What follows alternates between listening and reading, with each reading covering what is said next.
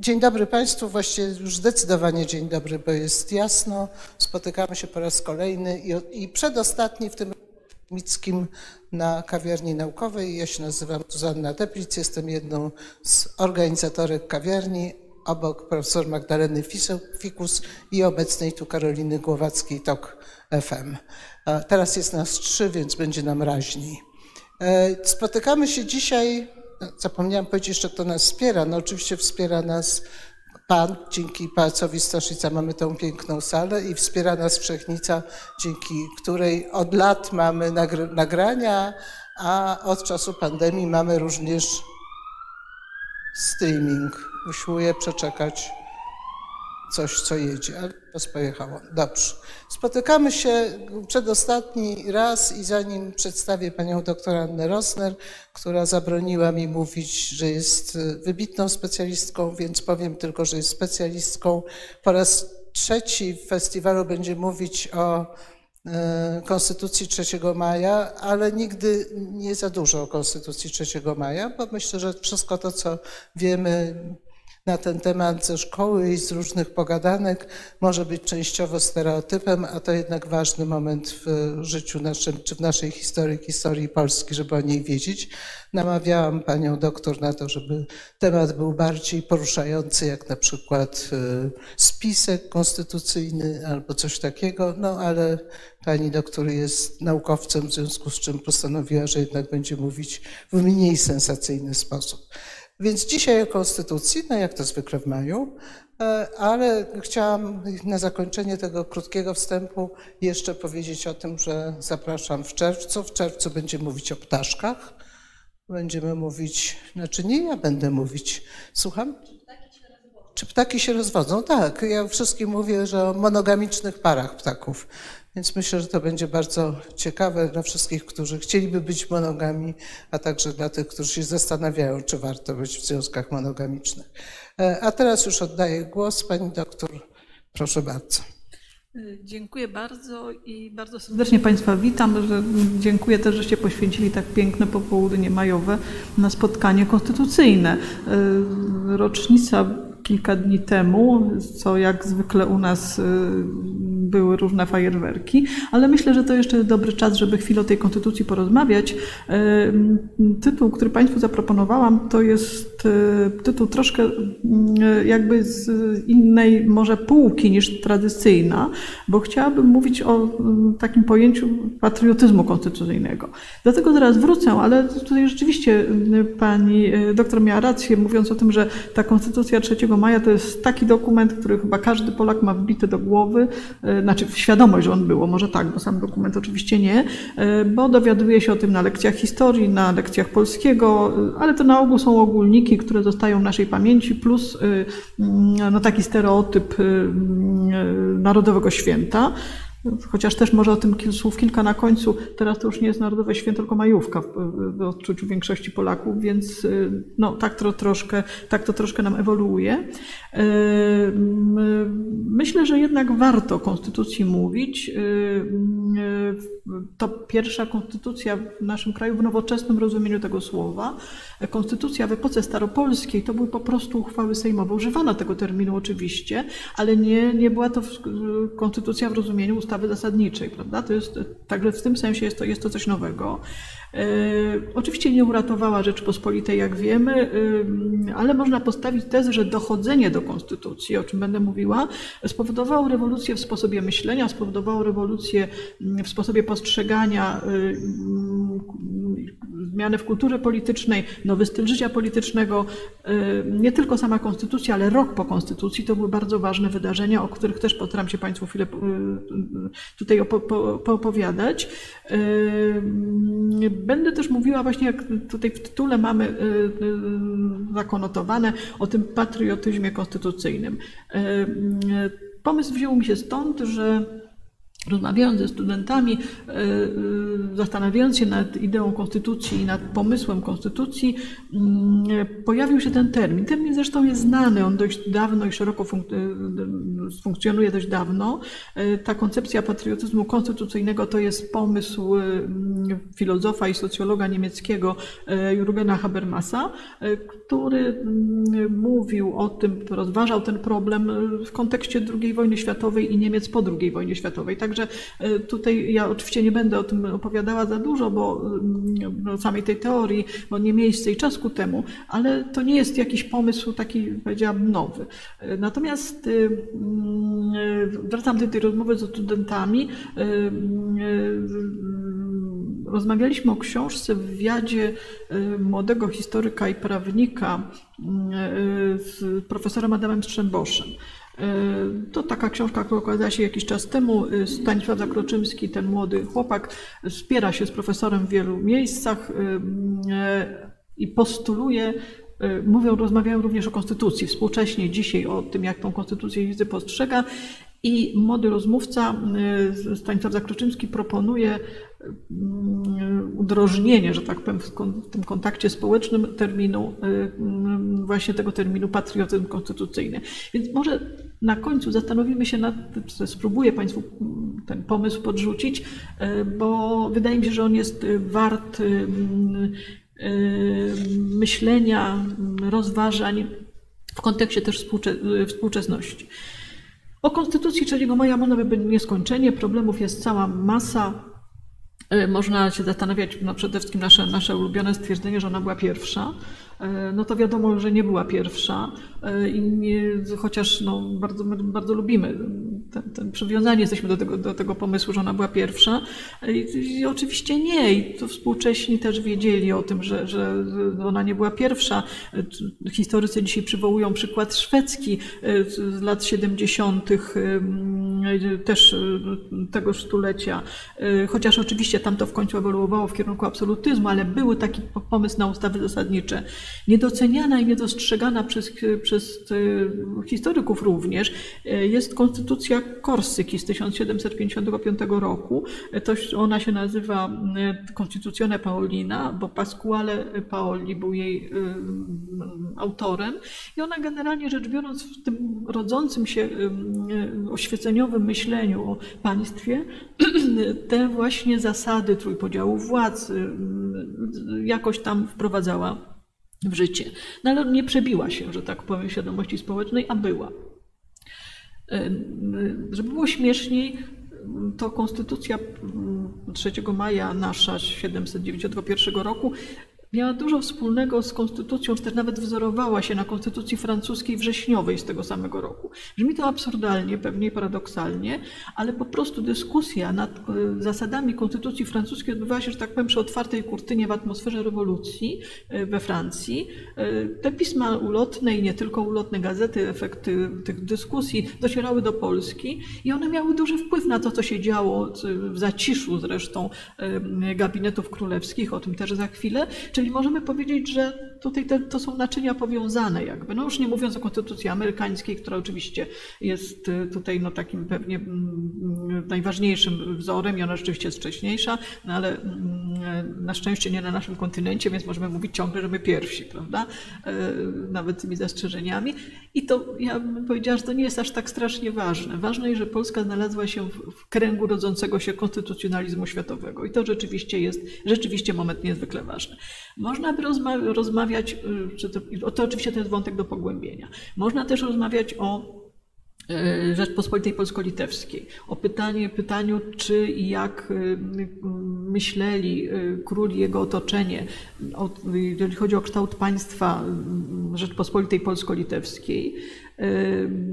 Jak to było w konstytucji, jak to było potem, tutaj zresztą mamy trochę paradoksów, dlatego że kiedy czytać sam tekst konstytucji, to rzeczywiście i takie wnioski wyciągali niektórzy, ci, którzy analizowali ten tekst, nawet w podręcznikach akademickich to się pojawiało, że oto mamy jednolite państwo, nie mamy już państwa dualistycznego, co oczywiście jest nieprawdą, ponieważ parę miesięcy potem mamy zaręczenie wspólne obojga narodów, senatorowie litewscy upomnieli się o ten dualizm ustrojowy i co prawda więzy zostały bardzo zacieśnione, ale nie, no, nie, nie, oczywiście nie zerwano, nie zerwano tych zasad. I znowu można by było tutaj o tym więcej opowiadać.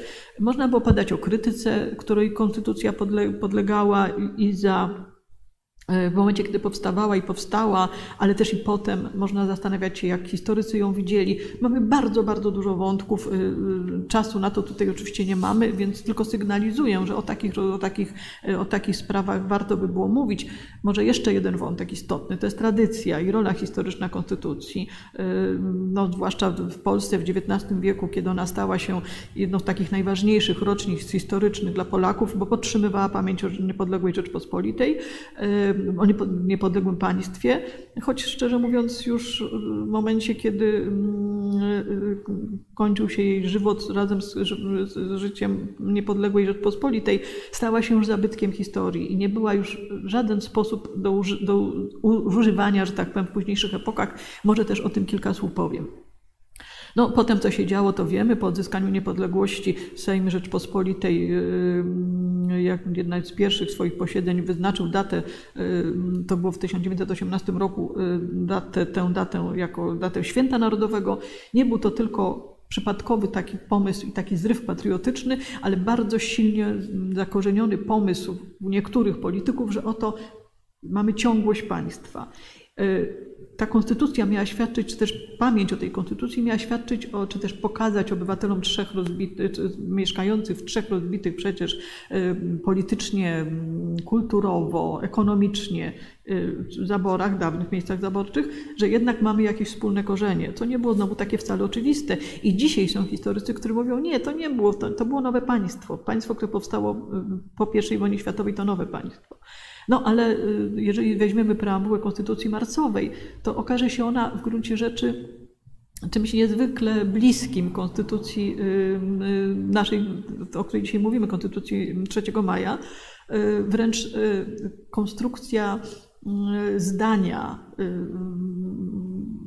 sposób ekspresji tych y, rzeczy, które na ogół zawiera w y, preambule, jest identyczna niemal. Ba, nawet w niektórych wydaniach Konstytucji Marcowej ten tekst preambuły jest drukowany specjalnie staną czcionką jakby, tak, prawda, jakbyśmy tak, żeby, żeby przypomnieć, żeby pokazać, że my jesteśmy. No, w PRL-u Konstytucja podlegała bardzo ważnej krytyce ze względu przede wszystkim na swoje, na swoje postanowienia społeczne. O tym też jeszcze będę mówiła. E, no to nie, tutaj no,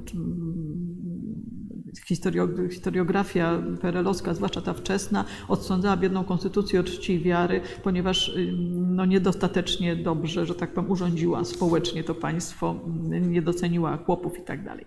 E, no, trzecia Rzeczpospolita, to rozważania o konstytucji, często już krytyczne, e, mamy, ale też i bardzo ciekawe nowe ustalenia, nowe, znaczy może nie tyle ustalenia faktograficzne, bo te już mamy, te mamy od dawna, ale też próba interpretacji innego spojrzenia na miejsce tej konstytucji w, w ustroju Rzeczpospolitej, w tradycji ciągłości polskiego republikanizmu tym wszystkim, o czym będę mówiła, oczywiście bazuję na bardzo e, licznych badaniach naukowych, e, począwszy, e, które rozpoczęły się właściwie, no, możemy zacząć od Levela niemal, ale tak naprawdę chciałam zwrócić uwagę na historiografię czy też e, pracę e, przede wszystkim Emanuela Rostworowskiego, wybitnego historyka XVIII wieku, e, Bogusława Leźniatorskiego, Jerzego Michalskiego, Jerzego Koweckiego i żyjących dziś historyków Zofii Zielińskiej, Krystyny Zienkowskiej, Anny Grześkowiak-Krwawicz, ostatnie ustalenia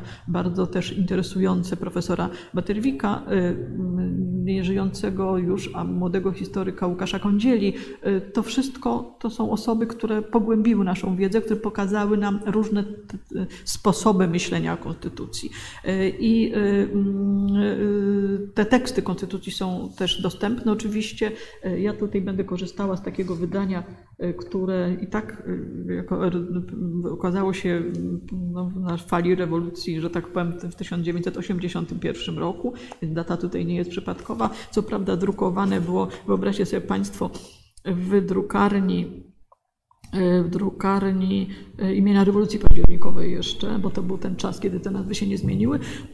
Ja uważam, że to jest bardzo dobre wydanie no, i jestem do niego przywiązana, bo, bo to wydanie mojego profesora, znaczy wstęp, profesora Bogusława Leśnidarskiego, ale ci znajdziecie Państwo na stronie Archiwum Głównego Dawnych. Też bardzo dobre, ono jest dostępne online, bardzo dobre wydanie Konstytucji z, z, wstępem profesor Anny Grześkowiak-Krwawicz. Można sobie zajrzeć, zobaczyć. Tam zresztą przechowywany jest oryginał Konstytucji. Jeden z dwóch egzemplarzy. Można sobie to obejrzeć też na stronie, no to jest przyjemnie patrzeć. I tutaj bije się w piersi, że nie, nie, nie przygotowałam odpowiedniej prezentacji, co mi pani, pani doktor wytknęła słusznie. Ale może się poprawię i wyślę link przynajmniej, żeby to można było zobaczyć. No i, i, i będę próbowała powiedzieć Państwu, że są takie wartości, które, na które ja bym zwróciła dzisiaj specjalnie uwagę. To, jest, to są te wartości, które stanowią kulturę polityczną, które mogą stanowić owym patriotyzmie konstytucyjnym, o którym tutaj mówiłam i będę też o tym, ten cytat tutaj przywoływać, tylko może na końcu. Spróbujmy najpierw przyjrzeć się temu, co co bym tutaj wskazała jako takie miejsca tworzenia się nowej kultury politycznej. Ten czas poprzedzający uchwalenie Konstytucji 3 maja to oczywiście obrady Sejmu Wielkiego. Ten Sejm Wielki to oczywiście nie jest Sejm Wielki dlatego, że był taki wielki, tylko on był bardzo liczny. W jakimś momencie powiększony o drugi komplet posłów, więc po prostu było tych posłów bardzo dużo. Pierwsza kadencja no, którą znamy z, z podręczników i okrzyków, jak to likwidujemy Radę Nieustającą i tak dalej, i tak dalej. Przez wielu historyków oceniana jest trochę odsądzana od czci wiary. Mówi się, że ona była jałowa, że ona, że, że ona była przedyskutowana, że nic się właściwie tam ciekawego nie wydarzyło, co chyba nie jest do końca prawdą. To nie były lata stracone ponieważ jednak no, poza tymi reformami ustrojowymi tej Rady Nieustającej w tej chwili nie odsądza się już o czci wiary. Uważa się, że to była naprawdę dobra instytucja, nowoczesna instytucja administracji państwowej, tyle tylko, że miała na sobie piętno rosyjskie, bo ona była stworzona przez ambasadora, stworzona, promowana przez ambasadora rosyjskiego i to wystarczyło, żeby ta nowoczesna administracja, to co było cechą tworzenia nowoczesnych państw ówczesnej Europy, no, zostało tutaj w części przynajmniej zaprzepaszczone chociaż Straż Praw była jej jakimś tam na pewno pokłosiem. Co się, co się zadziało w ciągu tych, tych kilku, tych dwóch lat pierwszej, pierwszej kadencji? No, na przykład ustanowiono konieczne podatki, ogłoszono, utworzono nowe, sprawne lokalne władze samorządowe. To był bardzo ważny moment, tak zwane komisje porządkowe. Aha, i jeszcze powiedzmy, że ten Sejm od 1788 roku był Sejmem skonfederowanym, a więc takim, na którym nie działała zasada liberum veto. I my mamy znowu w takim stereotypie, że oto Konstytucja 3 maja zniosła liberum veto. Od dłuższego już czasu to liberum veto było bardzo krytykowane przez szlachtę, przez sejmiki i sukcesywnie omijano ten, ten różny zresztą sposób, ten sposób sejmowania. I tutaj właśnie dzięki tym temu, że ten sejm był skonfederowany, był to pierwszy od kilkunastu lat sejm, od 1776 roku, na którym istniała szansa podjęcia jakichś większych reform. Właśnie dzięki temu, że, że nie działała ta, ta ta formuła głosowania. To był czas, kiedy, który nazywamy czasami czasem, bardzo mi się podoba to stwierdzenie, choć jest też w jakimś sensie absurdalne, to była atmosfera łagodnej rewolucji. To też nie jest polski termin, tylko włoski, ale w każdym razie u nas się on przyjął.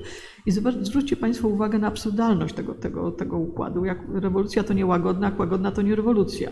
A tutaj mamy tę, tę zbitkę, która ma nam powiedzieć, że działy się bardzo ważne rzeczy. To znaczy, ten, ta rewolucja w Polsce, bo niewątpliwie ona miała miejsce, była, odbywa się bezkrwawo. A pamiętajmy, że w tym samym czasie we Francji pracowała gilotyna i to ostro pracowała. Ten, ten, te, te echa rewolucji francuskiej no, były widoczne w Europie i tutaj rzeczywiście ta, to, co się działo w Polsce, było jakby przeciwieństwem, znaczy wprowadzaniem, myśleniem o podobnych zasadach, ale na zupełnie zupełnie inną drogą. E, ten, ten, ta pierwsza kadencja Sejmu była ewidentnie, w moim przekonaniu, budową zaplecza e, tak, takiego budowania takiego gruntu pod zmiany, które mają nastąpić. I, został, I to dotyczyło nie tylko posłów, ale też społeczeństwa, narodu, ale ten naród proszę rozumieć jako naród staropolski, to znaczy naród przede wszystkim e, szlachecki, choć pojawi się nam mieszczaństwo, o czym też zaraz. Zmiany społeczne następują oczywiście znacznie wolniej niż zmiany polityczne. E, większość badaczy jest zgodna, że mimo tych zmian, które się, które się działy, stronnictwa polityczne budowano w oparciu o stosunki klientalne, czy takie stosunki charakterystyczne dla Rzeczpospolitej, typowe dla tego okresu, a nie w oparciu o program polityczny, co będzie potem cechą systemu partyjnego. Ale jeszcze tego nie mamy i król jednocześnie musi się zmagać Król, który jest zwolennikiem systemu angielskiego, król, który jest y, mm, człowiekiem niezwykle wykształconym, y, również tym tym, tej przestrzeni kultury politycznej y, to nie tylko łazienki, to jest również, y, to jest również właśnie to myślenie, mówię oczywiście symbolicznie o łazienkach, y, bo takie mamy skojarzenia, to jest, ale to jest również myślenie o właśnie o państwie, myślenie o polityce. Król po swoich długich podróżach po Anglii był zafascynowany i bardzo mu się podobał ten system angielski, mówiąc w wielkim skrócie ale jednocześnie w Polsce musiał zderzyć się z tak zwanym sarmackim oświeceniem. E, jeżeli e, w Polsce miały nastąpić jakieś zmiany, to musiały one nastąpić w oparciu o szlachtę, e, o świeconą, o świeconą nowoczesną szlachtę. Nie tak, jak to było na przykład we Francji o mieszczaństwo, bo po prostu tego mieszczaństwa w Polsce prawie nie było. W związku z powyższym, jeśli by tutaj mm, taką porównanie teatralne zrobić, to we Francji obśmiewano szlachtę, prawda? Bourgeois gentilhomme, mieszanie szlachcicem, to jest uderzenie w szlachtę. W Polsce to by było niemożliwe.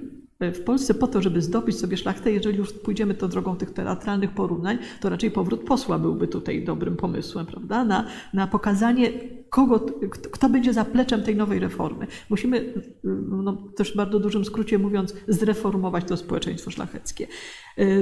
No, król musiał się zmagać tym, z tym właśnie przypływem szlachety, tej, tej narodowej nostalgii, ale w tym nowoczesnym już wymiarze. Żeby powiedzieć też symbolicznie, znowu strój narodowy szlachecki wrócił do łask i król po uchwaleniu konstytucji zresztą też będzie musiał e, się no, w jego poczuciu, rozumiem, przebrać w strój szlachecki, to mu się pewnie raz czy dwa zdarzy. E, a sam e, pisząc swoje, spisując pamiętniki jeszcze przed elekcją, no, bardzo był negatywnie nastawiony do tych szlacheckich pomysłów i wręcz y, starał się za wszelką cenę uniknąć przebierania w kontur szlachecki. No ale to są już tylko takie anegdoty. Dojrzewa nam pokolenie młode y, na prowincji, tej prowincjonalnej szlachty, coraz lepiej wykształconej. Y, to jest szlachta wykształcona w kolegiach pijarskich, w kolegiach jezuickich, które zresztą niedługo będą zlikwidowane, ale póki co one wprowadzają zupełnie nowy system myślenia politycznego również. Y, I to są ludzie, którzy są znacznie mniej podatni na sterowaną propagandę niż ich ojcowie i dziadowie. E, e, to też też czas, kiedy pojawia się polskie tłumaczenie Monteskiusza o duchu praw, notabene dedykacją tłumacza dla Stanisława Augusta, wtedy też e, pojawiają się teksty rozmaite, które pokazują tę ideę francuskiego czy też europejskiego oświecenia i to będzie nowy dyskurs polityczny, który chciałabym podkreślić e, jako tak jedną z tych cech, e, które tworzyć będą atmosferę polityczną, kulturę polityczną, wiodącą nas do e, tego patriotyzmu konstytucyjnego. Kiedy pojawia się drugi komplet posłów, dokoptowany do tego pierwszego, to są rzeczywiście młodzi ludzie. Badania, które przeprowadzono, y, przeprowadził y, dr Jerzy Kowecki nad tą populacją y, młodych posłów, posłów drugiego, drugiej kadencji, wskazują nam na to, że to byli generalnie ludzie młodsi i właśnie jakby niosący już te nowe idee, łączący posłowanie z nową wiedzą, z nową formacją polityczną. I trochę zaczyna się dziać rzeczy w Sejmie, krytykowanym za swoją opieszałość. Sejmujące stany powołują deputację do formy rządu, kierowaną oficjalnie przez tam no, jednego z, z uczestników, dawnego uczestnika Konfederacji Barskiej, Adama Krasińskiego, ale też de facto przez Ignacego Potockiego.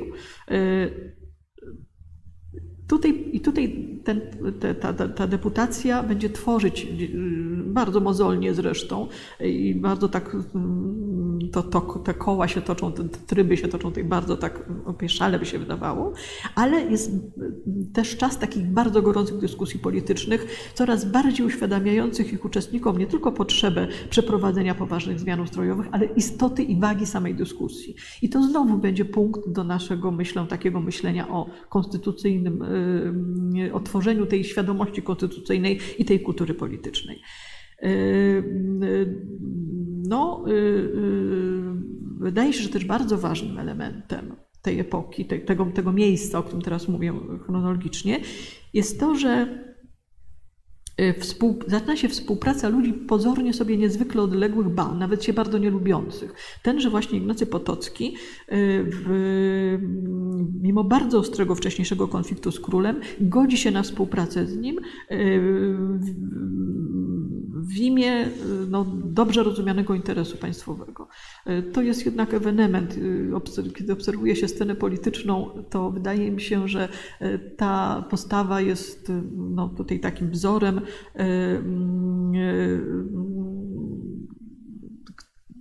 który połączył ludzi, jak mówię, zupełnie, znaczy może nie zupełnie skrajnych poglądów, to była przesada, bo oni jednak jeden i drugi myśleli o wielkiej reformie państwa. Ale Potocki był entuzjastą Sojuszu Pruskiego, król tradycyjnie sojuszu z Rosją.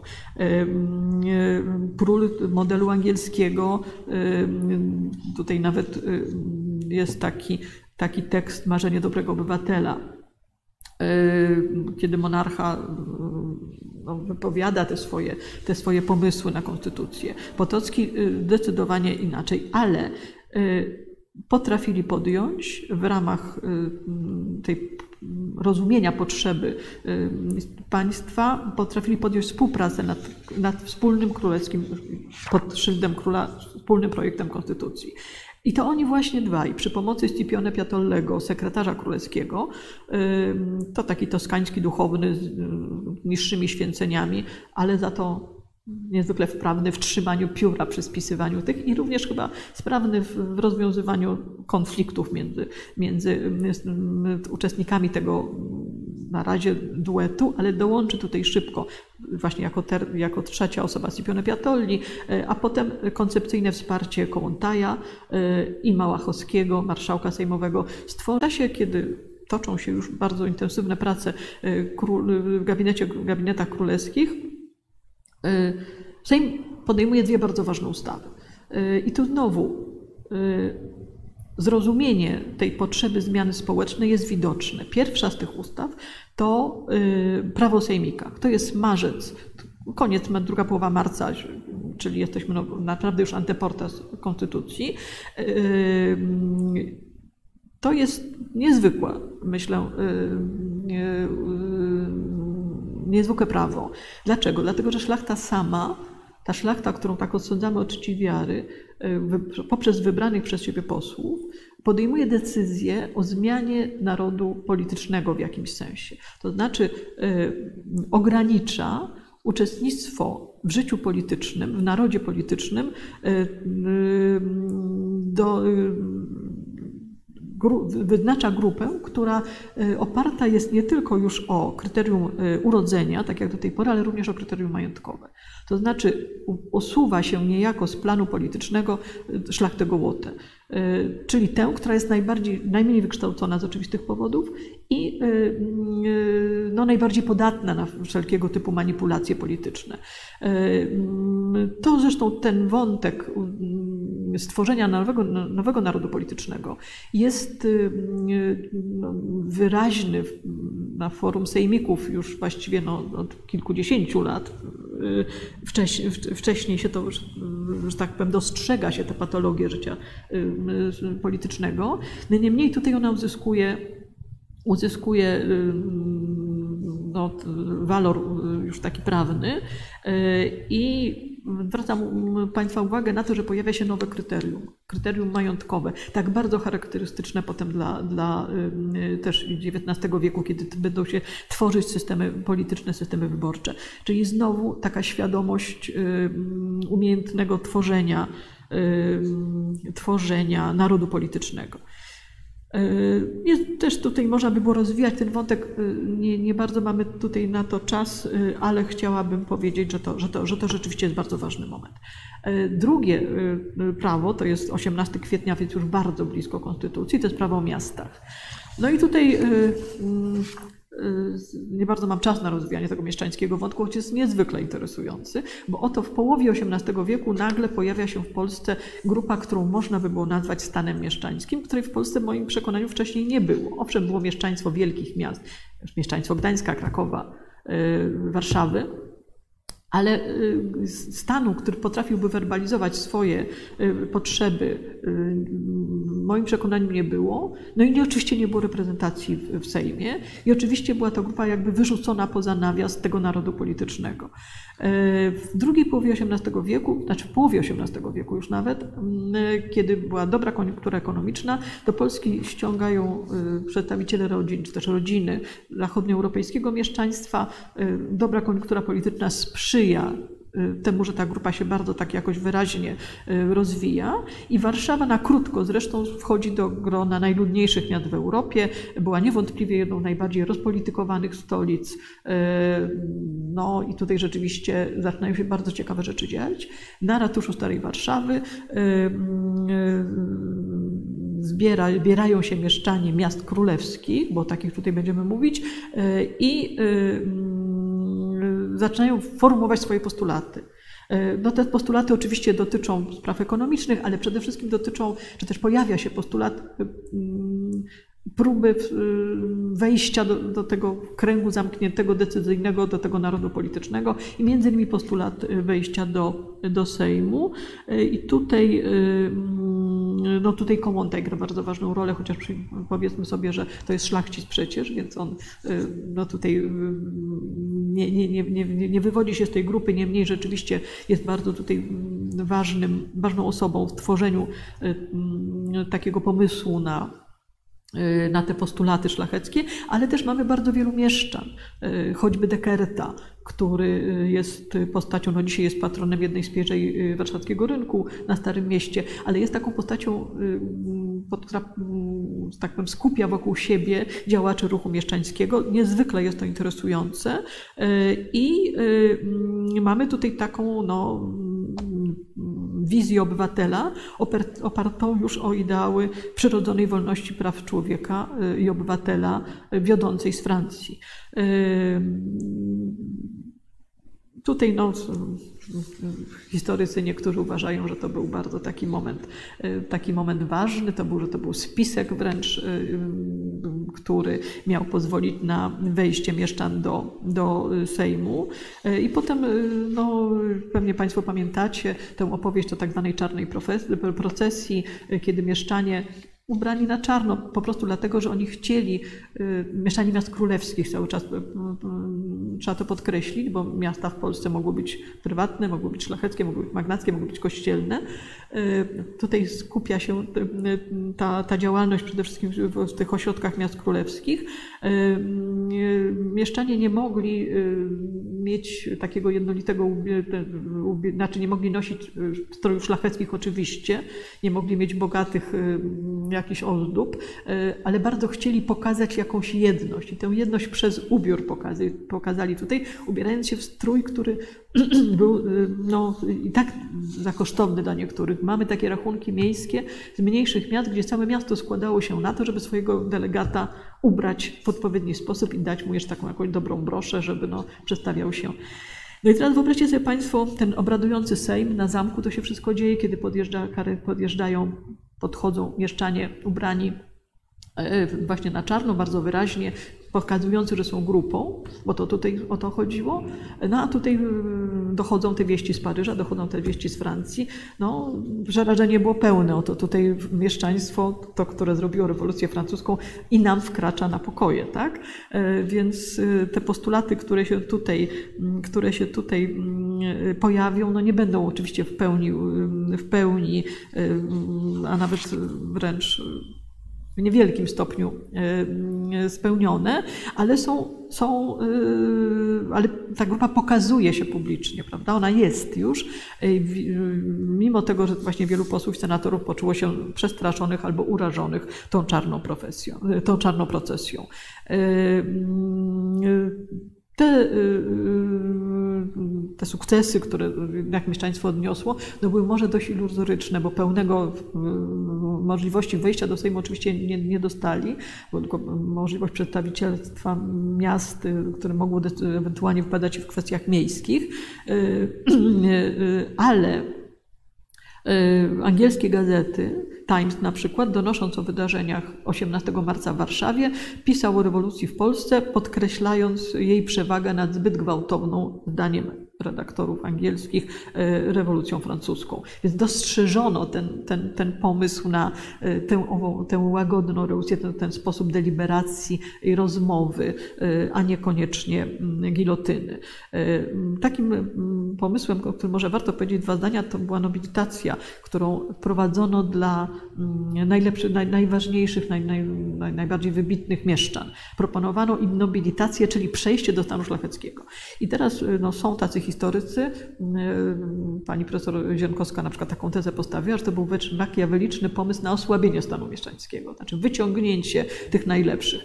No mnie się wydaje, że to przesadą, to po prostu była, miała być taki pomysł nagrody, ale wiemy, że ci mieszczanie w jakimś sensie tak to zrozumieli, bo taką nobilitację zaproponowano Descartesowi i on odmówił. On uznał, że jednak jest lojalny wobec tej grupy, z której, której, którego, którą stworzył, którą współtworzył, której jest liderem. To się dla niego w końcu dobrze finansowo na pewno nie skończyło, ale rzeczywiście ideę utrzymał. Stąd też pokłońmy mu się na tym rynku naszym staromiejskim. E, no i to, to, o czym tutaj wspomniała e, pani doktor przed chwilą, zamach, tak? zamach 3 maja. To jest też taka formuła, którą się często tutaj e, stosuje, opowiadając o, o samym uchwaleniu konstytucji, no bo też i rzeczywiście, no trochę prawdy w tym jest. Król i jego otoczenie, to najbliższe, postanowiło wprowadzić pod obrady Sejmu, bo jednak zwróćmy uwagę, pod obrady Sejmu, to znaczy ta droga legislacyjna jest bardzo ważna, prawda? To znaczy nie jest to wyrzucenie y, dotychczasowego dorobku polskiego y, parlamentaryzmu, tylko jednak jak mamy coś zrobić, to w tym miejscu, w tej instytucji. E, y, no ale, no ale trzeba było przełamać pewne, czy też złamać pewne zasady. Opory też oczywiście. Opory miały być złamane w ten sposób, że przyspieszono, zapowiadano na 5 maja zebranie Sejmu, rozesłano wici do posłów, tych, którym ufano, ufano ich głosom, e, żeby przyjechać do Warszawy. To były wakacje wielkanocne. Wielkanoc była bardzo późna tamtego roku, chyba 24 kwietnia dopiero, e, dobrze pamiętam. E, także mieli szybko przyjechać, a pamiętajcie Państwo, że to jednak no, droga, to konie, to do, dom, który trzeba było zostawić, dobre, dobre warunki świętowania, to nie tak się szybko wraca. No, ale niektórym kazano natychmiast i rzeczywiście wsiadali na koń, przyjeżdżali do Warszawy. E, e, no ale przeciwnicy polityczni e, zorientowali się, co się dzieje. W związku z tym przesunięto te obrady jeszcze o dwa dni do przodu, na trzeciego, żeby pozbyć się, czy też mieć wrażenie, że może nie dojadą ci pozostali, najogólniej mówiąc. No i coś zaczęło. No po pierwsze, naruszano, naruszono procedury sejmowe. Y, po pierwsze, Y, powinno być tak, że y, taki projekt y, powinien być poddany, powinien być drukowany wcześniej i rozesłany do posłów. No tego nie zrobiono oczywiście. Jeszcze przedtem, to o tym zapomniałam powiedzieć, przedtem zgromadzono przeddzień 2 maja, 1-2 maja zgromadzono tę grupę zwolenników, którzy zobowiązali się do, do pomagania królowi i jego, i jego zwolennikom. No więc nie wydrukowano, nie, nie, oddano, nie dano czasu, czasu posłom do namysłu, no bo to by było śmiertelne zagrożenie dla pomysłu. Po drugie, była taka zasada, że każda pierwsza sesja w miesiącu jest poświęcona sprawom skarbowym, a nie ustrojowym. No więc oczywiście to też to była łamana zasada. No i to, co się działo na sali sejmowej. Była, sala była pełna, galerie sejmowe były pełne. Y, na ulicach tłum ludzi, ściągniętych zresztą wcale nie przypadkiem przez Kołątaja, a porządku pilnował y, znany nam dobrze książę Józef y, Poniatowski, który, bratanek królewski, który dowodził oddziałami Gwardii Królewskiej utrzymującej porządek. No więc jakby taka była atmosfera dość już podgrzana. O 11 w południe marszałek Małachowski rozpoczął posiedzenie. Ono trwało, będzie trwało do 6 po południu, więc no, trochę tam posiedzieli i było rzeczywiście, e, obrady były bardzo starannie wyreżyserowane. To dzięki temu, że mamy diariusze Sejmu, że mamy to wszystko przebadane, możemy to krok po kroku, prawie że minuta po minucie śledzić i to jest dość opisane, no ale wyobraźcie sobie Państwo tą, tą atmosferę podgrzaną, kiedy na początku y, y, y, przeczytano depesze, wybrane zresztą i tak specjalnie przeselekcjonowane, żeby stworzyć poczucie zagrożenia, że oto tutaj, jeżeli tego nie zrobimy zaraz, depesze posłów zagranicznych, że oto no, musimy w tej, wstrzelić się w ten moment, który akurat jest polityczny w Europie, konflikt prusko-rosyjski przede wszystkim związany tam z wojną z Turcją. E, tą atmosferę podgrzano bardzo wyraźnie, stosując te, te rozmaite metody, e, e, mówiąc, że teraz musimy koniecznie ocalić, ocalić kraj. No i marszałek Małachowski, aha i było, było oczywiście był, były sprzeciwy, no niektórych, niektórych tam przytrzymywano. Był taki słynny poseł, y, który jest bohaterem bardzo wielu opowieści o tym, o tym Sejmie, poseł Suchorzewski, który rzucał się prawie jak rejtan. Y, rzeczywiście był, a potem był systematycznie wynoszony na swoje miejsce przez Straż Marszałkowską y, i on no, wyczyniał bardzo dziwne rzeczy, łącznie z tym, że ciągnął swojego małego synka przed tron królewski, krzycząc, że on tutaj woli zabić to dziecko, niż żeby ono żyło w takiej niewoli, którą tutaj ta, ta, ta, ten projekt będzie wnosił. E, e, ja już może nie będę opowiadała, tutaj Państwo łatwo znajdą opisy tego, tego, tego, tego dnia, jak to tam dokładnie wyglądało. Rzeczywiście, no, rzeczywiście było dużo emocji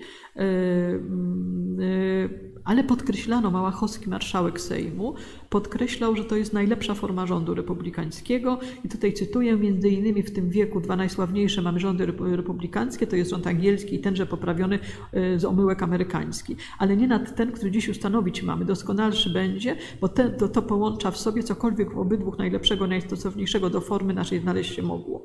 E, I król zwraca się, e, król zwrócił się wtedy o zwolnienie go tam z przysięgi na pakta konwenta, żeby można było wprowadzić bardzo ważny element, czyli elekcyjność tronu i i y, y, no, konflikty trwały. Suchorzewski w dalszym ciągu był odnoszony, na, robił, no, był takim symbolem tej, tej, tego konfliktu na sali sejmowej. I właściwie udało się przez aklamację, przez aklamację tę ustawę zasadniczą przyjąć litewski kolega Małachowskiego, Kazimierz Sapiecha, e, który e, no nie był entuzjastą tego pomysłu, jednak zdobył się na takie oto stwierdzenie, jednak tam, gdzie idzie o, los ojczyzny, mój głos przed głosem narodu stawiać powinien widząc ten konflikt, prawda? Czyli marszałkowie jakby docenili ten niesłychany moment w historii, yy, widząc tutaj szansę na ocalenie ojczyzny. No i yy, kiedy król wspiął się na krzesło, górując nad otaczającym tłem, położył rękę na Ewangelii, podany mu przez biskupa i złożył przysięgę. Potem poprowadził wszystkich do pobliskiej katedry pod zdaniem Jana Chrzciciela, tłum niósł na, na gdzie większość posłów senatorów się do nim udała. Na y, dzisiejszym tym zapowiadającym plakaciku właśnie ten obraz mamy. Marszał Małachowski niesiony y, na ramionach y, kolegów, także tutaj, no potem odśpiewanie Tedeum i Tedeum Laudamus i mamy no, pierwszy moment, prawda, taki ważny. Chciałabym powiedzieć o jeszcze jednym dniu, o dniu 5 maja. Y, Po 5 maja zwolennicy konstytucji y, y,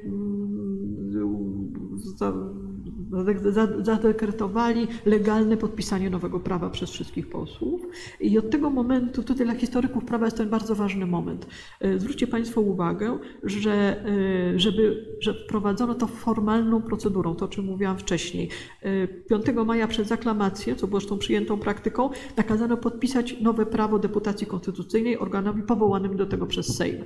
Czyli tak jak mówiłam wcześniej, ten moment takiej kultury politycznej to jest niezwykle ważny, tradycji też polskiego republikanizmu. To ona była co prawda no, z tymi różnymi usterkami w, sejm, w sejmowaniu przyjęta, ale jednak potwierdźmy ją, prawda? Niech ona będzie legalnie wprowadzona. I stąd mówi się czasami nawet o tym, że to jest rewolucja 3 i 5 maja. Y, Ta legalność to jest ten wpis, do, ten wpis y, deputacji. Y, Czy ja mogę jeszcze trochę mówić? Mogę? E, Dziękuję. Ja już bardzo naprawdę staram się. mm, Znaczy, nie mogę sobie odmówić opowieści o takim ładnym sejmowaniu, e, o tych ładnych cechach. E, Konstytucja, no właśnie, konstytucja. Czy to była konstytucja rewolucyjna? Odpowiedź nie jest jednoznaczna, bo w dużej części nie była. Y, Można by potraktować t- tę konstytucję, i tak niektórzy robią, jako traktat polityczny. Ona ma liczne wady prawne, mówiąc szczerze, i y, ochoczo y, historycy prawa i prawnicy wytykają te wady. No ale to nie na tym to polegało.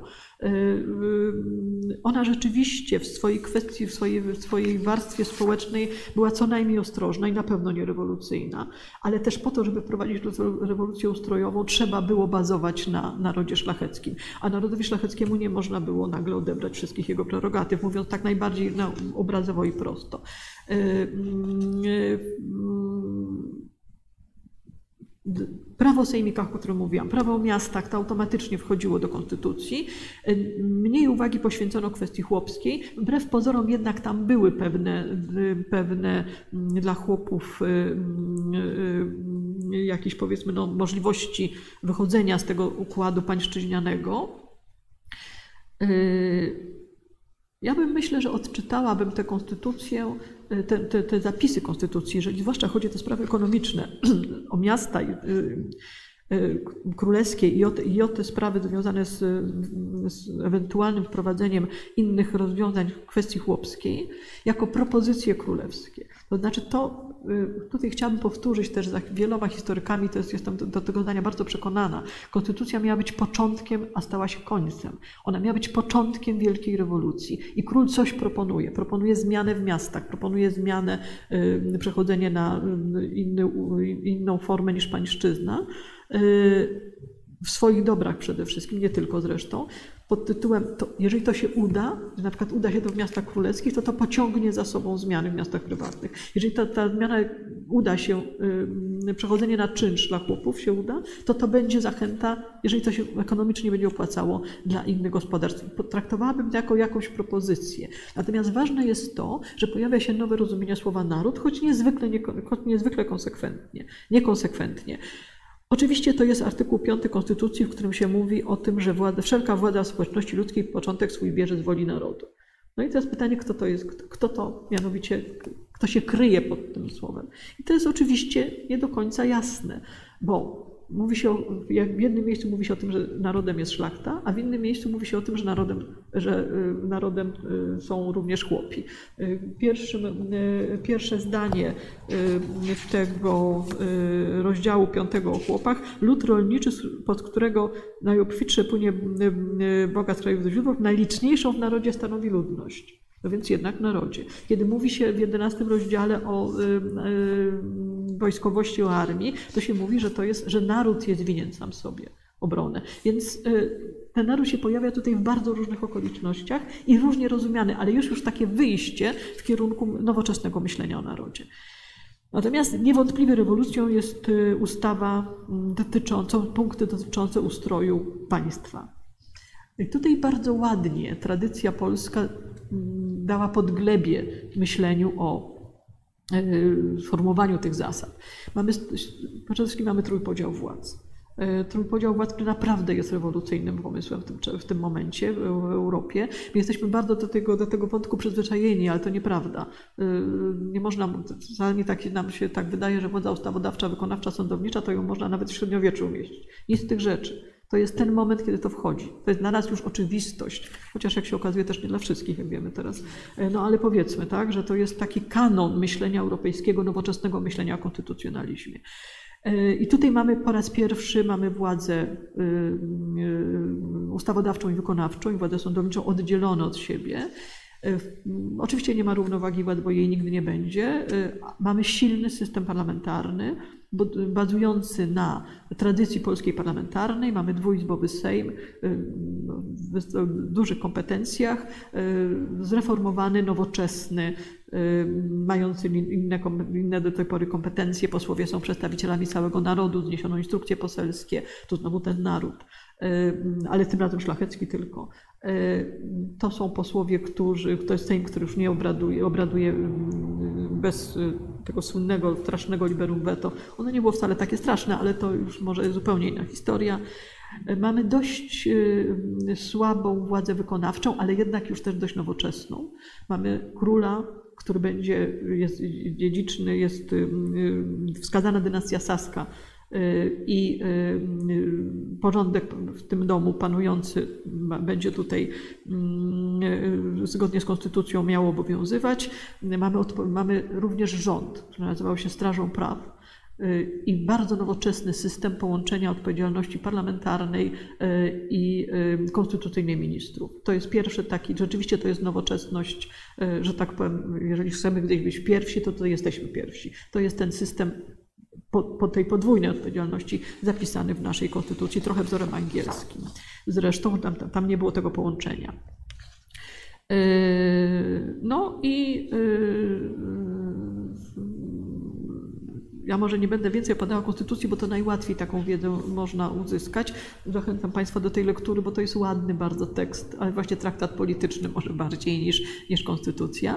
Yy, Jest tak, że rusza maszyna zarówno, zarówno y, y, sejmowa, jak i propagandowa. Sejmowa to jest jeden z najciekawszych, myślę, y, czasów polskiego parlamentaryzmu. To jest rok niezwykłej, niezwykle intensywnej pracy. I tak jak o Konstytucji mogłabym powiedzieć, że nie jest to najlepsza, najlepszy tek, y, w sensie prawnym, chociaż jestem do niej niezwykle przywiązana, y, to y, te ustawy, które teraz będą uchwalane, jedna za drugą, są naprawdę bardzo dobre, bardzo, bardzo nowocześnie reformujące państwo. Czyli posłowie pracują jakby no, pełną parą, a jednocześnie mamy do czynienia ze świadomym tworzeniem właśnie tego patriotyzmu konstytucyjnego. Yy, W społecznej pamięci treść konstytucji szybko przy, przyćmił mit konstytucji 3 maja. I ten rok to, jest, to są wiersze i pieśni sławiące konstytucję. To są pierścienie zaślubin z konstytucją, którą noszą posłowie i zwolennicy konstytucji. To są publikacje i rozsyłane na prowincje pisma wyjaśniające, tłumaczące, agitujące za konstytucją. Uro- te Sejmiki lutowe w 1792 roku w całości właściwie poparły konstytucję. I to był wielki sukces tego roku konstytucyjnego. Yy, Uroczyście świętowano pierwszą rocznicę konstytucji. Król brał udział właśnie w stroju szlacheckim, przedstawieniach teatralnych w Teatrze Narodowym. Wmurowano kamień węgielny pod świątynią Opatrzności Bożej w, w ogrodzie, znaczy na terenach dzisiejszego ogrodu botanicznego gdzie co roku zresztą uniwersytet też święci tę konstytucję z wykładem i odśpiewaniem na ogół od, odnośnych pieśni. I, no i właśnie, atmosfera wokół konstytucji, wokół jej powstawania, zmiany, które zaszły w systemie myśleniu politycznym działaczy, nowy styl życia politycznego, budowanie zaufania do prawa. To, jest, to są rzeczy dobrze wpisane w tradycję polską, ale przede wszystkim to są jednak to, to jest coś nowego. To się dzieje wokół, wokół konstytucji. I, I myślę, że warto by było, żeby tutaj Państwa nie, nie zanudzać już więcej tym, tą opowieścią, to chciałabym powiedzieć, że Chciałam zacytować na koniec y, na dwie, dwie, dwa teksty. Y, deklaracja Stanów Zjednoczonych, Stanów Zgromadzonych, przepraszam, oblata 5 maja, to właśnie to, o czym mówiłam. Ktokolwiek śmiał być przeciwnym niniejszej konstytucji lub targać się na jej zepsucie, albo wzruszał spokojność dobrego i szczęśliwym być znaczącego narodu przed zasiewanie nieufności, y, przewrotnie tłumaczenie konstytucji, ten znany przyjaciela ojczyzny za zdrajcę, za butownika uznany, najsurowszymi karami natychmiast przez sąd sejmowy ukarany będzie. Konstytucja jest naszą najwyższą wartością, prawda?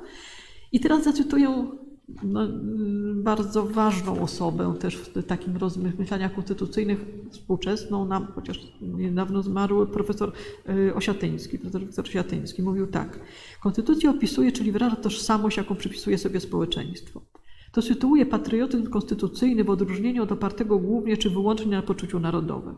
Patriotyzm konstytucyjny łączy odczuwanie wspólnoty z szacunkiem dla przyjętego przed nią porządku prawnego. E, I wydaje mi się, że takie rozumienie patriotyzmu, patriotyzmu konstytucyjnego winno towarzyszyć naszym rozważaniom współczesnym.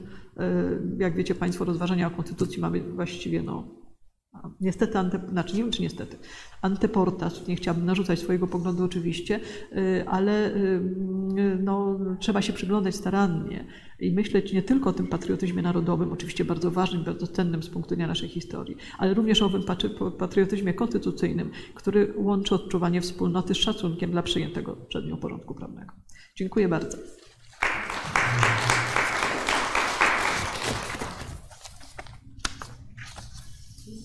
Pytania będą. Nie mamy ciekawych pytań, czyli właściwie nie powinnam tak mówić, ale nie ma w zasadzie pytań na czacie, więc mamy szansę na zadawanie pytań, a ja mam właściwie nie pytanie, tylko pewien komentarz. No, pytanie. Jak to się stało? Z całej tej opowieści snutej dzisiaj o Konstytucji widać, że król miał ogromny wkład w jej powstanie. Stanisław August Poniatowski. Jak to się stało, że właściwie przez całe lata on był wymazywany z tego?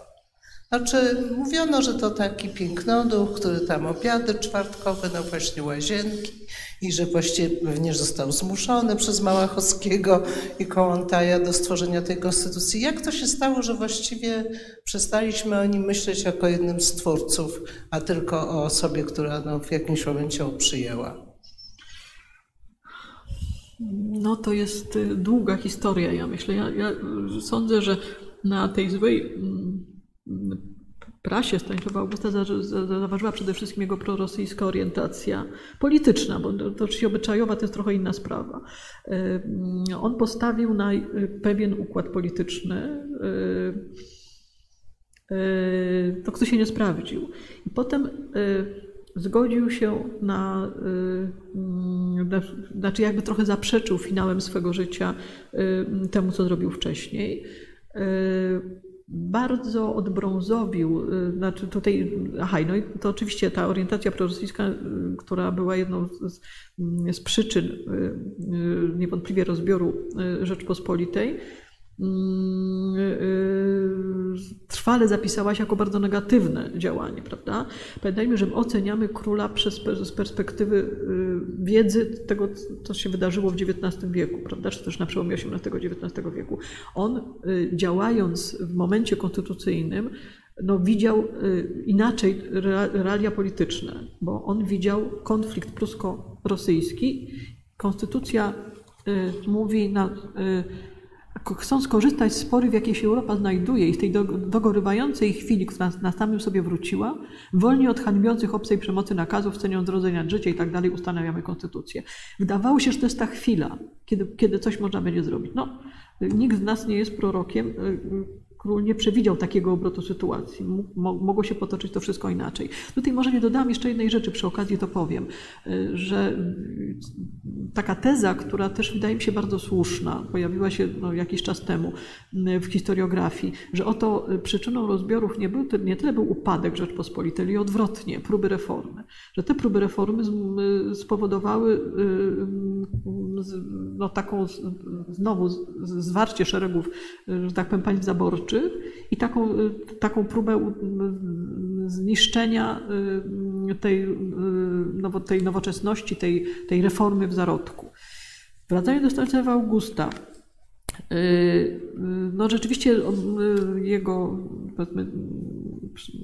wejście do, czy też związek z Targowicą, to było rzeczywiście na pewno, w mojego, znaczy ja bym tutaj oceniła jako poważny błąd polityczny.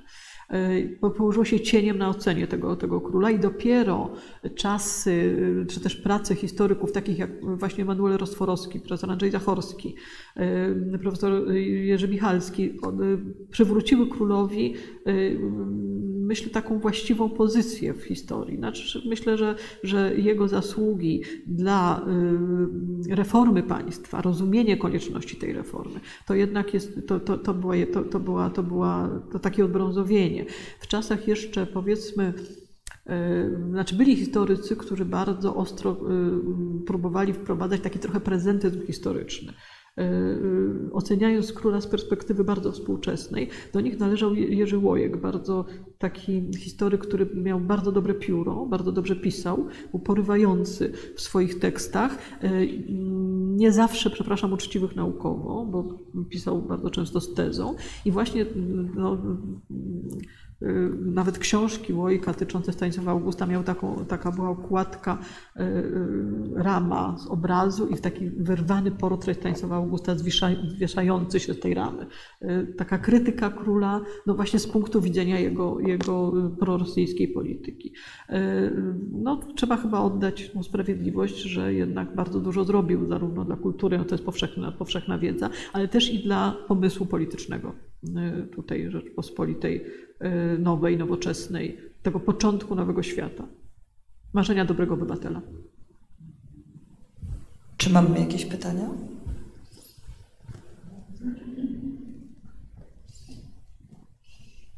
Może nie tyle pytanie, ale jednak może jednak pytanie, bo bardzo mnie zmartwiła ta opowieść, że konstytucję wprowadzono też poprzez takie no, gierki, które umożliwiły to, prawda? Mnie wtedy się zawsze odzywa ten moment, że ja sobie myślę, Boże, cel nigdy nie uświęca środków, prawda? Mamy wiele przykładów, kiedy, kiedy to prowadzi do jakiejś tragedii. I no tutaj właśnie taką refleksję miałam. Bardzo mi się żal zrobiło, że, że się w ogóle teraz w tej chwili o tym dowiedziałam, bo nie wiedziałam o tym, nie jestem historykiem. I, a, a drugi taki wątek, który, który, który prześledzę, to ta, ta kwestia tej pańszczyzny i zniesienia pańszczyzny w Polsce, że wtedy, bo wspomniała Pani, że, że król właściwie był za tym, żeby zrobić głębiej te reformy, tak? Czy, czy ja źle zrozumiałam? Żeby jednak odejść od pańszczyzny. No co do pierwszego stwierdzenia, to przykro mi, że tak było, no ale tak było, tylko tyle mogę powiedzieć. To mamy absolutnie potwierdzone we wszystkich możliwych pamiętnikach, relacjach sejmowych, samych twórców zresztą Konstytucji. No po prostu tutaj rzeczywiście cel uświęcał środki i ma Pani oczywiście rację, że no, buntujemy się zawsze, kiedy procedury są łamane w słusznym celu. Rejtan wszedł do Panteonu Świętych Narodowych, bo się no, ten słynny, prawda, ten upadek, czy tam jak to powiedzieć, no, rzucenie się Rejtana, mówi się to nawet przysłowiowo, prawda, rzucić się Rejtanem, tak, tak kolokwialnie, no, bo, bo się rzucił w słusznej sprawie ten Suchorzewski, o którym tutaj opowiadałam, no, nie w słusznej sprawie, w związku z tym raczej nie, nie wejdzie do Panteonu Świętych Narodowych. Tak, tak to jest, prawda? Natomiast no, widocznie czasem trzeba, trzeba tak, tak, tak działać, żeby rewolucja się udała. A tutaj z punktu widzenia prawnego się udała, prawda? Bo mamy, mieliśmy rzeczywiście bardzo taką nowoczesną sytuację. Jeżeli chodzi o chłopów,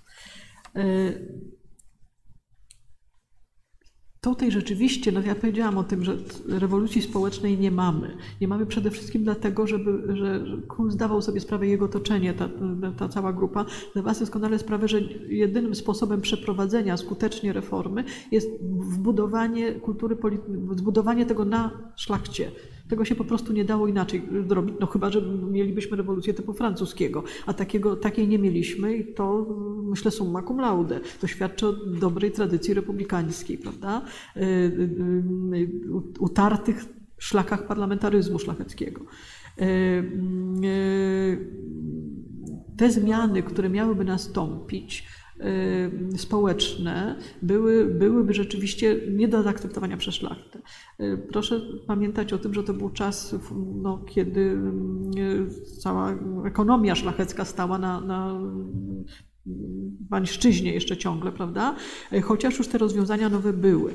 I y, jak się czyta dokładnie ten rozdział Chłopi, Chłopi Włościanie, bo tak on się nazywa, y, to y, po pierwsze król y, zapowiada y, opiekę prawa i rządu krajowego y, nad y, chłopami, którzy mieszkają w dobrach, y, dobrach y, królewskich. Y, Jest nawet taka, no to już może anegdotycznie, ale jednak przytoczę ten fragment. Y, Oto mówi się, że jeżeli ktoś wyjedzie z kraju i powróci, y, to wtedy y, taki przybyły czy powracający, tylko stanie nogą na ziemi polskiej, wolnym jest zupełnie użyć przemysłu swego, tam gdzie chce, y, może czynić umowę na osiadłość, na robociznę i tak dalej, na czynsz. Czyli jeżeli ktoś by, zresztą takie były przypadki, jeżeli ktoś by wyjechał i wrócił, to wtedy już nie będzie pańszczyzny, teoretycznie, bo praktycznie było zupełnie inaczej, tylko będzie mógł wejść w, w tę, tę umowę czynszową. W tym układzie król pokazuje jakąś drogę. Znaczy król, jego otoczenie, ten pomysł, ten, ten, w tym rozdziale pokazywana jest jakaś droga, ale nie, nie, ale nie złamano oczywiście tych zasad, które były dotychczas. I jeżeli patrzeć by nawet ta- takim, takim myśleniem no, takiej francuskiej historiografii długiego trwania, to wydaje mi się, że ta propozycja na pewno przyniosłaby efekty ekonomiczne po prostu i zwyczajnie, bo pańszczyzna była w tym momencie, to był już no, przeżytek ekonomiczny, chociaż na ziemiach zaboru rosyjskiego utrzyma się bardzo długo, aż do powstania styczniowego, prawda? E, Ale już w wielu krajach Europy to się zmienia, zmienia się w zaborze pruskim przede wszystkim, jest już zupełnie, będzie szło ku nowoczesności ekonomicznej przede wszystkim. I Jeżeli sobie wyobrazić, że to by poszło tą drogą, to, y, to myślę, że byłaby taka ewolucja tutaj też, tak jak tutaj mówię o ewolucji ustrojowej w pewnym sensie, to tutaj byłaby to ewolucja y, ekonomiczna. I podobnie jest z miastami. Prawo o miastach dotyczy miast królewskich, czyli 20% miast Rzeczpospolitej mniej więcej. Y, Rewolucyjne zmiany dla tej grupy mieszczańskiej, łącznie z tym, że ma neminem captivabibus, czyli jedno z ważnych praw szlacheckich, prawo obejmowania urzędów i tak dalej, dotyczy tylko tych miast. Ale również jest to pomysł, jeżeli uda się, to jest interpretacja, którą tutaj podsuwam, to oczywiście tego nigdzie nie mamy w charakterze jakiegoś zapisu. Jeżeli to się uda, to założymy, że inni będą też przechodzić na, taką, na, taką, na taki sposób gospodarowania w miastach, prawda? Więc no, taka interpretacja, taki pomysł na interpretację. Myślę, że, że przynajmniej chciałabym, żeby tak, żeby tak król mówił. Tak myślę.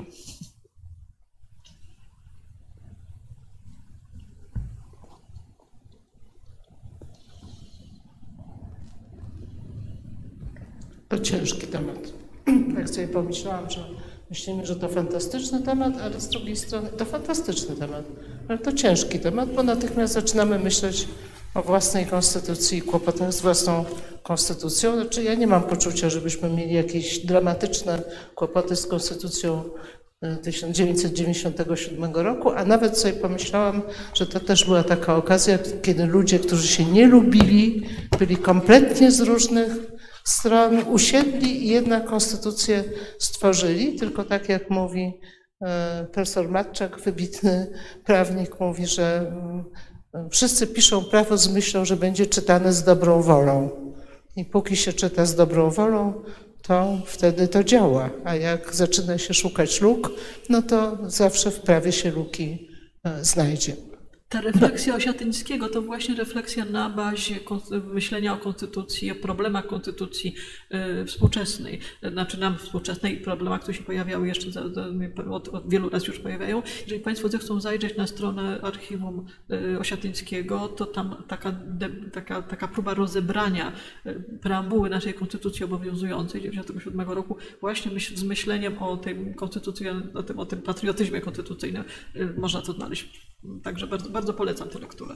Ja też bardzo. W ogóle polecam e, na lekturę Konstytucji z 97 roku. Ja muszę powiedzieć, że myślę, że my w ogóle jako obywatele tego kraju rzadko czytamy jakiekolwiek prawo.